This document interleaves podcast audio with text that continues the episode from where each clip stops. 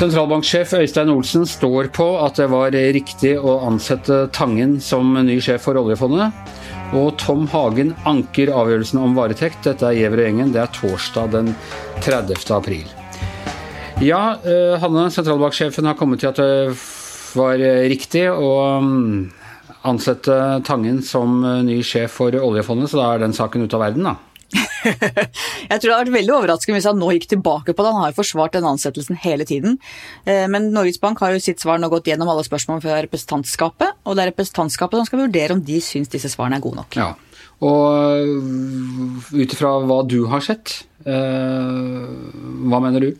Jeg syns det er vanskelig å vurdere. Det er, eh, det er, veldig komplekse selskapsstrukturer. Det det koker ned til, egentlig, etter min mening, er om oljefondet kan ha en sjef som har en stor privat formue delvis plassert i skatteparadiser. Ja. Om det er mulig å bygge de vanntette skottene som de sier at de skal få til, og som de ennå ikke har fått til, men som de jobber med akkurat nå. Og så er det kommet fram da sånne øh, forskjellige ting drypp, drypp underveis. altså Ting som kanskje ikke er avgjørende i seg selv, men som, som på en måte undergraver øh, undergraver litt uh, statusen. og Det er, ja, det er bl.a. at de skulle ha ført opp fondsforvalter og milliardær Nicolai Tangen på søkerlisten tidligere. Det er lovbrudd at ikke det var gjort. Det er også noe saker om at uh, han, er, han, er, involvert i noen rettstvister i, i, Storbritannia og sånn. Hvor mye spiller disse tingene inn? Det viktigste er, sånn som jeg ser det, er jo Norges Bank sin håndtering av selve ansettelsesprosessen og deres informasjon både til offentligheten og til Finansdepartementet. VG avslørte denne uken at Finansdepartementet verken var informert om dette seminaret, innholdet i det, eller om at han hadde penger i skatteparadis. Og i går avslørte våre journalister også at eh, finansministeren heller ikke var informert om at Tangen har en pågående skattesak mot seg i Storbritannia. Nei, og akkurat skattesaken der, det kunne man være klar over. Men, men, at han holdt et sånt seminar, er det sånn de burde ha informert om? Hvordan, hvordan informerer man om sånt i en sånn forbindelse? Det er klart at eh, Hovedstyret fikk også informasjon om at det, fore, at det, hadde vært et seminar han hadde foretatt, som de syntes var helt kult. Det er jo flott at folk arrangerer seminarer med kunnskap osv., men, men innholdet er jo det som har vært at det har vært så luksuriøst. og den, Tangen selv sendte jo programmet og deltakerlisten inn til Norges Bank en uke før, men så fikk ikke hovedstyret det som en del av sitt beslutningsgrunnlag. Hadde de fått det, så kunne de både vurdert om, om det på en måte var for ekstravagant til en sånn jobb, eller enda viktigere, de kunne vurdert hvordan de kunne ha presentert dette for offentligheten samtidig som han ble, ble, eh, kjent eh, at det var han som skulle få jobben. Da hadde man vært proaktive og kunnet eh, falt ut på en helt annen måte enn det har gjort nå. Men det gjorde de altså ikke, og det er ikke Tangens skyld? Nei, veldig lite av dette er Tangens skyld. Ja. Om noe. Så er det da mulig å, å begynne å skulle, skulle, gjøre om på dette, eller er dette bare en sånn øvelse i selvtukt for uh, Norges Bank? Kjernen her er jo at du, den som skal være sjef for oljefondet, da må vi alle være helt, helt sikre på at det ikke foregår noen sammenblanding mellom hans private økonomiske interesser og oljefondets interesser. Og det er det Norges Bank som ansetter sitt ansvar å passe på at det er slik, og det er det man er i tvil om de faktisk har gjort godt nok. Så dette vil ikke få noen konsekvenser for ansettelsen av Tangen? Jo, det kan det hvis man ikke klarer å etablere de vanntette skottene godt nok. Hvis det er slik at de neste fem eller ti årene, som er de to åremålsperiodene eventuelt han kan ha, at man kontinuerlig rundt om i verden eller Norge stiller spørsmålstegn ved om det er sammenblanding, om det er eh, reine skott, så kan ikke han være sjef for oljefondet, mener jeg. Og ikke, vil ikke det være så, i så fall nok en ting da Norges Bank må, må, ta på sin kappe. At man uh, lurte en uh, mann til å tro at han hadde fått en uh, jobb hvor han hadde lagt de kortene på bordet som man trenger å legge på bordet Eh, i en, i en, sånn prosess, og så pga. skrik og skrål i offentligheten eh, går man bort fra det igjen? Eller om ikke skrik og skrål, det er jo substansen her Anders, som er viktig. At man faktisk ikke har klart å sikre kanskje godt nok de skottene. Og jeg er helt enig med deg. Det er Norges Bank det slår tilbake på hvis de ikke har gjort de prosessene godt nok. Astrid Mæland, hva tenker du om denne saken? Jeg er helt enig. Jeg syns at det er Norges Bank som har, som har gjort en altfor dårlig jobb her. Ikke minst som du var inne på, Anders, så brøt de i offentlighetsloven. og Så prøver de å forklare det i det brevet de har sendt i dag. Eh, det handla om at de dumma seg ut når de offentliggjorde søkelista til oljefondsjefjobben. Det sto ikke Tangen der. og De skriver at eh, først så var det fordi at ikke hadde søkt formelt, og nummer to så var det for at de var redd for at navnet hans skulle ha lekka ut. Og så skryter de litt av seg sjøl. De trenger egentlig ikke offentliggjøre slike lister, eh, med mindre folk spør om dem, men de gjorde det likevel. Det syns jeg er litt sånn ja, eh, tabbe to og tabbe én.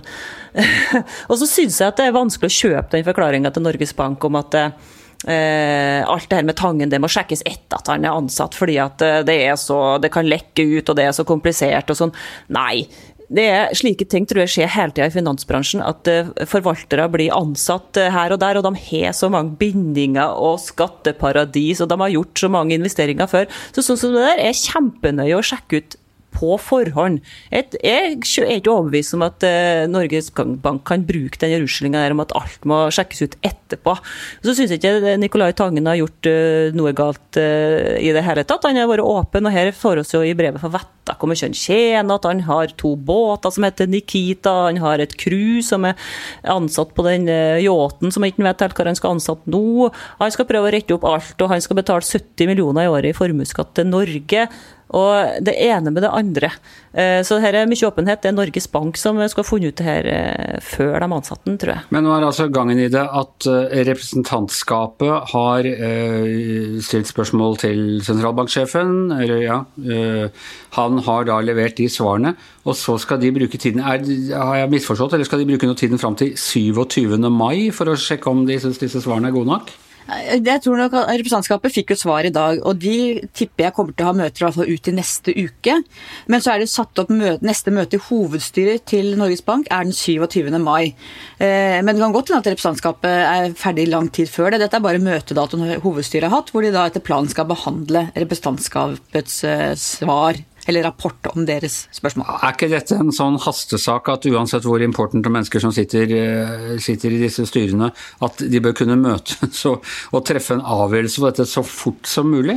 Jo, men det, det, er vel også noe med at en del av disse tingene kanskje skal avklares. Det har jo redegjort for at det vil ta lang tid å få gjort alt klart med ansettelseskontrakten og kartleggingen og alle disse tingene. Men eh, jo, jeg er enig i at det er en hastesak, uten tvil. Det er helt fantastisk at vi bruker så lang tid i etterkant etter at de har ansatt fyren, eh, på å finne ut om, om de selv, selv har tabbet seg. Jeg skjønner ikke at det er mulig. Altså, hvis det er noen som uh, ikke har vist seg helt tilliten verdig her, så er det jo er det ikke akkurat Tangen, først og fremst. Jeg er enig i det, Anders. Og når du leser her 83 sidene som det tar sammen det som Norges Bank har sendt til representantskapet i dag, så skjønner han jo at det er ganske komplisert. Han har jo selskaper Nicolai Tangen på Jersey, Jomfruøyene, Dublin, Cayman Island, UK, overalt. Og det er så mange truster og fond og dill og dall han eier penger, så det er ganske komplisert. da. Eh, men han har mange forslag til hvordan han skal gjøre det eh, framover, da. Og stiller seg jo villig til å bli med på nesten alt for å få den oljefondsjef jobben, eh, men han har noen krav, og da han vil ikke betale skatt på, på de pengene som han skal overføre til, til det veldedige fondet sitt. Okay. Jeg syns hovedspørsmålet her nå er Går det egentlig an å ha en oljefondsjef som har hatt så store investeringer før? Fordi det oljefondet skal gjøre, er jo f.eks. å bestemme seg for at de skal gå inn hardt på ett område. Tenk hvis Tangen sitter og er oljefondssjef, og så vet han at sitt eget selskap er inn hardt på det området sjøl. Jeg tror ikke det er noe eh, intensjoner om å gjøre noe galt. Han har spilt med åpne kort, men den biasen du da får, hvordan klarer han å kvitte seg med den eh, som oljefondsjef? Det syns jeg er det, eh, det vanskeligste. Hva tror du om det, Hanne? Nei, klart, du har, jo både, du har jo både spørsmål om de formelle og juridiske båndene mellom han og formuen hans, men så har du også, som Astrid er inne på, den mentale barrieren han må bygge opp, da, hvor man på en måte må i eh, funksjonen som oljefondsjef overhodet ikke tenke på å blokkere ut alt som har med hans form å gjøre. Han vet jo godt hvor det fondet er investert og sånne ting. Så jeg også lurer på hvordan han skal klare å måte bygge det vanntette skottet oppi hodet sitt også. Men alt dette er jo spørsmål Norges Bank burde stilt seg selv før de ansatte han. Ja. Eh, og, de, og, at de gjør det nå i, i liksom full offentlighet, eh, det syns jeg er helt, eh, helt fantastisk. Og at de da skal holde pinen gående en måned til, er jo også helt utrolig. Det jeg tror er at man, eh, eller jeg vil tippe da, at da de fikk den lista på Hvis du hadde spurt de i hovedstyret før eh, hele ansettelsesprosessen var i gang, ser dere for dere at vi skal ha en hedgefondforvalter fra London som har levd 30 år i finanseliten der, og som har milliarder i formue og mye på skatteparadiser, er det en sånn profil vi skal ha som ny sjef for oljefondet, så tror jeg alle der vil sagt nei, er du gæren? Det er det ikke. Men så får de hans navn på blokka og er veldig veldig imponert. Han er jo åpenbart veldig, veldig god på å investere penger. Eh, så jeg tror de på en måte da bare tenkte at dette må vi bare få til, og så har de ansatt han, og så har de kanskje eh, ikke Kanskje ikke tilstrekkelig grad vurdert hvor kronglete det ville bli, bli formelt, juridisk, økonomisk, alle disse tingene vi nå snakker om. Kunne det vært et alternativ å beholde Tangen og sparke alle de andre på den andre siden, eller er det umulig? Ja, Hva syns du, Anders? I hvert fall i forhold til hvem som har oppført seg ryddig og hvem som ikke har gjort det, så, så syns jeg ikke det er noe særlig tving om at, at um, Tangen eh, leder 10-0. Men, men sånn er nå det. En annen sak. Astrid, i går så satt vi og venta og venta da vi skulle lage podkast på at de skulle bli ferdig i fengslingsmøte med Tom Hagen i denne forsvinningssaken ute på, på Lørenskog. Eh, vi måtte til slutt lage podkast uten at vi hadde, hadde fått noe, noe, svar på det. Eh, hans forsvarer, Svein Holden, som er, må man si, må være en av de mest erfarne strafferettsjurister eh, vi har i Norge. Han var statsadvokat i mange år, og nå har han vært forsvarsadvokat og bistandsadvokat en del år. Og han sa at han var helt sikker på at Hagen skulle bli løslatt, men det gikk altså ikke slik. Og nå har de anket anket eh, denne varetektsfengslingen på fire uker. Hvor vanlig er det at man eh, at man uh, anker på et sånt vedtak? Eh, det er jo helt uvanlig at, at barn slipper varetekt, for det første. Så, ja, jeg vet ikke hvor mange som anka, men jeg tror det ville vært veldig uvanlig hvis han, Tom Hagen slapp ut av varetekt nå. Og, ja, I den kjennelsen som kom i går, da, som er eh, hemmelig fra A til Å, fordi at det er så mye dokumenter som politiet er så redd for at vi skal få vite noe om, så det står bare oppgitt eh, forskjellige kryptiske saksnummer. Eh, men i den kjennelsen så sier dommeren at han skal i varetekt, fordi at han er mer eh, han er, Det er sannsynlighetsovervekt. det er mer enn 50% sannsynlig at uh, Hagen At bevisene holder for at Hagen har gjort disse tingene. Det er SMS-er det nevnes, uten at vi vet noe som står i dem. Det er, eh, hvor mange dokument er det? Det er en haug med dokument som sikkert viser til politiets eh, etterforskning. Eh, ja, eh, kommunikasjon, e-poster, SMS-er som, eh, som, de har samla sammen. Og eh, Dommeren sier òg at han tror at det er sannsynlighetsovervekt for at det har vært flere som har vært med på på saken, altså bortført eh, Anne Elisabeth eh, Hagen og drept henne. Så han skal i varetekt, mener dommeren, fordi at det er fare for bevisforspillelse. Han, Tom Hagen får ikke engang vite hva som står i de dokumentene. Det er klausulert. Det er kun forsvareren hans, Holden, som får vite det. Og så må politiet stole på at Holden ikke forteller det til Hagen. Eh, og Grunnen til det er jo at eh, politiet nå skal i gang, er i gang allerede med avhør av Tom Hagen. og Da vil de jo stille en åpne spørsmål og få han til å forklare diverse ting som de mener kanskje de sitter på nå. Eh, annet som tyder på eh, at de har noe bevis, eller sånn, så kan få han til å forklare det. og så kanskje håper han på at han eh, skal eh, gå seg fast i forklaringene, forklare seg feilaktig, at de skal ta han på et eller annet vis. og Det det han er så redd for. og Derfor vil de ha han i varetekt med brev- og besøksforbud og isolering i to uker til det var. Og eh, vi skriver, altså vi som i VG, skriver at det er DNA-funn, biologiske spor, et turbulent ekteskap og sprikende forklaringer som er noe av danner hovedmistanken mot Tom Hagen. Ja, Det er jo også spennende med den tidslinja, det siste livstegnet som um, politiet tror da, mener at de har fra Anne Elisabeth Hagen, var en telefon hun tok på kvart over ni cirka, den dagen hun forsvant, 31.10.2018, da Tom uh, Hagen allerede var dratt på jobb. Uh, så tok hun en telefon til et familiemedlem, og så var det noen som ringte henne, en uh, håndverker ringte henne kvart på ti samme dag, og da var det ikke mulig å få kontakt med henne. Ingen andre fikk kontakt med henne, så de tror bortføringa, drapet, har skjedd Eh, i det lille tidsrommet som Tom Hagen har eh, tilsynelatende alibi for, da, fordi at han eh, var filma av videokamera på jobben. Men de, de har mista Tydeligvis at de, de ikke har helt fullstendig oversikt over alle hans bevegelser den dagen. Så det kan handle om det. Og så har de jo blodspor, små blodspor på hjemmet. Og det der med forklaringene, det, det har vi jo ikke innsikt i, rett og slett. Det, han har jo forklart seg fortløpende nå i, i um, halvannet år om saken, og da, da mener vel politiet at han har Eh, forklart seg for, forskjellig ved et uh, par anledninger. Du, Jeg tenkte på en annen ting. Jeg ser at i, Den dagen han ble pågrepet, så var hele feeden min full av folk som uh, kunne fortelle at dette hadde de skjønt hele tiden.